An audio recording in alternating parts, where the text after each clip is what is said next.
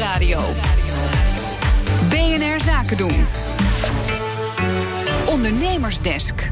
Na een uh, verslaving terug aan het werk, dat is een pittige opgave. Jeroen Otter, ooit zelfverslaafd, adviseert werkgevers en coacht mensen bij hun reïntegratie met zijn bedrijf Recovery Caddy. In de ondernemersdesk inclusiviteit gaat hij in gesprek met Connor Klerks. Ik ben in klinische behandeling gegaan, drieënhalf jaar geleden. En toen merkte ik dat uh, weliswaar je van de kliniek nazorg kreeg, zoals dat mooi heet. Maar daar zitten nog vrij grote gaten in de begeleiding van mensen die weer ja, het leven in moeten. Ja. Werkend leven, sociaal leven, noem maar op. En toen dacht ik van ja, volgens mij is daar wel behoefte aan iemand die uh, weet hoe dat is om daar te zijn. En uh, zodoende. Want wat maak je als uh, ex-verslaafde mee op het moment dat je terug naar het werk gaat? Je start eigenlijk helemaal opnieuw. De wereld ziet er, ziet er uit zoals die er al, altijd al uitzag. Alleen zag je hem in je, in je actieve verslaving niet zo. Dus ja, alles is, is, is nieuw. Je loopt tegen ja, sociale gelegenheden aan waar drank natuurlijk heel normaal is. In mijn geval drank dan. En uh, ja, daar moet je mee om leren gaan. En ook je ja. werk. Ja, iedereen uh, verwacht natuurlijk. Uh, ik ben in de kliniek geweest, dus als het ware door de wasstraat helemaal opgeknapt. Maar ja, je moet, je moet zo zien dat je feitelijk herstellend bent van, van een redelijk zware operatie. Dat is een beetje het verhaal. Dus met ja. alle, ja, met alle gevolgen die daaraan zitten.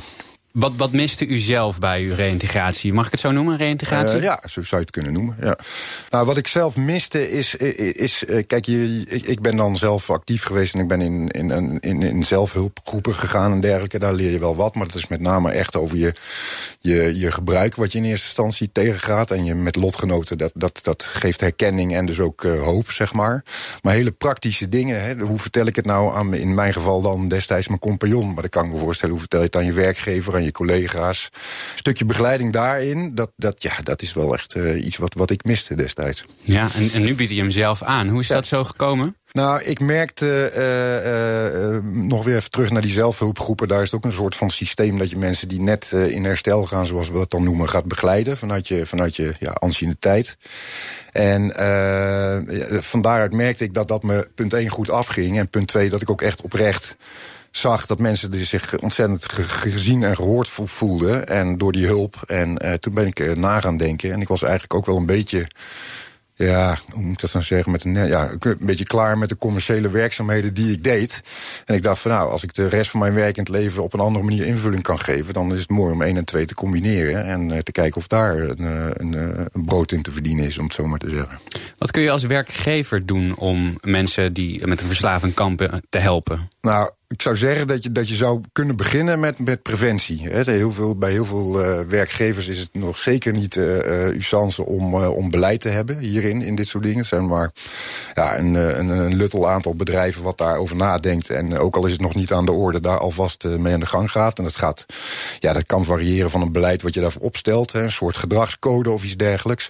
Tot aan begeleiding van mensen die, die in verslaving komen of zijn. En waar je achter komt.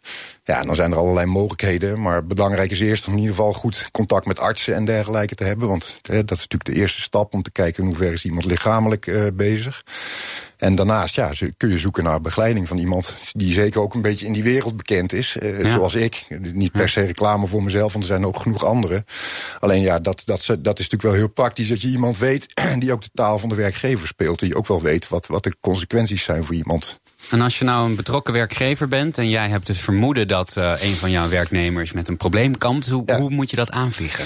Nou, dat, dat, dat is heel lastig, want het is natuurlijk voor heel veel mensen confronterend. Het is heel persoonlijk uh, ook. Ja, het is heel persoonlijk, dus dat doe je niet snel. Maar ja, gesprek is wel de eerste stap. Hè? Dus, dus gewoon ja, confronteren is misschien een zwaar woord, maar wel eens uh, op, op een, op een medelevende manier vragen: van joh, is er iets aan de hand? ik merk dit en dit aan je, kan het kloppen? Kijk, een verslaafde zal in eerste instantie altijd zeggen, zeker als hij zelf nog niet van overtuigd is, van, uh, dat hij zal uh, boos gaan reageren en, en dergelijke. Dus daar moet je een beetje mee, uh, mee oppassen. Maar ook bij die eerste gesprekken is het misschien helemaal niet slecht om daar ondersteuning bij in te schakelen. Hè? Om te kijken van iemand die wel een beetje de taal van zo'n verslaafde spreekt, ja. zeg maar. Om te, te toetsen van ja, waar, wat, wat, waar begin ik nou wel en waar begin ik nou niet over. Heeft u het idee dat mensen die uh, hun verslaving te boven zijn... Uh, moeite hebben om aan een, een, een, nieuwe baan te komen vaak? Kan. Kan. Ja, het is natuurlijk toch gewoon zeker in het bedrijfsleven nog wel een, een taboe. Dus op het moment dat het echt in je dossier staat, uh, ja, dan, dan is dat, uh, dan kun je, ja, dat mag niet, hè, want het is een officiële ziekte. Dus je mag ja. iemand daar niet om weigeren of iets dergelijks of ontslaan. Alleen er zijn ja, zoveel mensen met een alcoholprobleem in Nederland ook. Zeker. Er zijn uh, in Nederland denk ik een, een, een miljoen, zeker wel een miljoen mensen die op wat voor manier verslaafd zijn. En, en dan heb je het over de mensen die zich ergens gemeld hebben, zeg maar. Dus ja. daar zit nog een hele grote groep achter.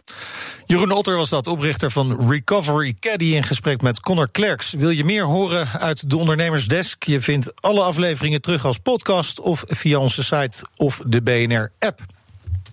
Ondernemersdesk Inclusiviteit wordt mede mogelijk gemaakt door Verderkijkers. Een initiatief van het ministerie van Sociale Zaken en Werkgelegenheid.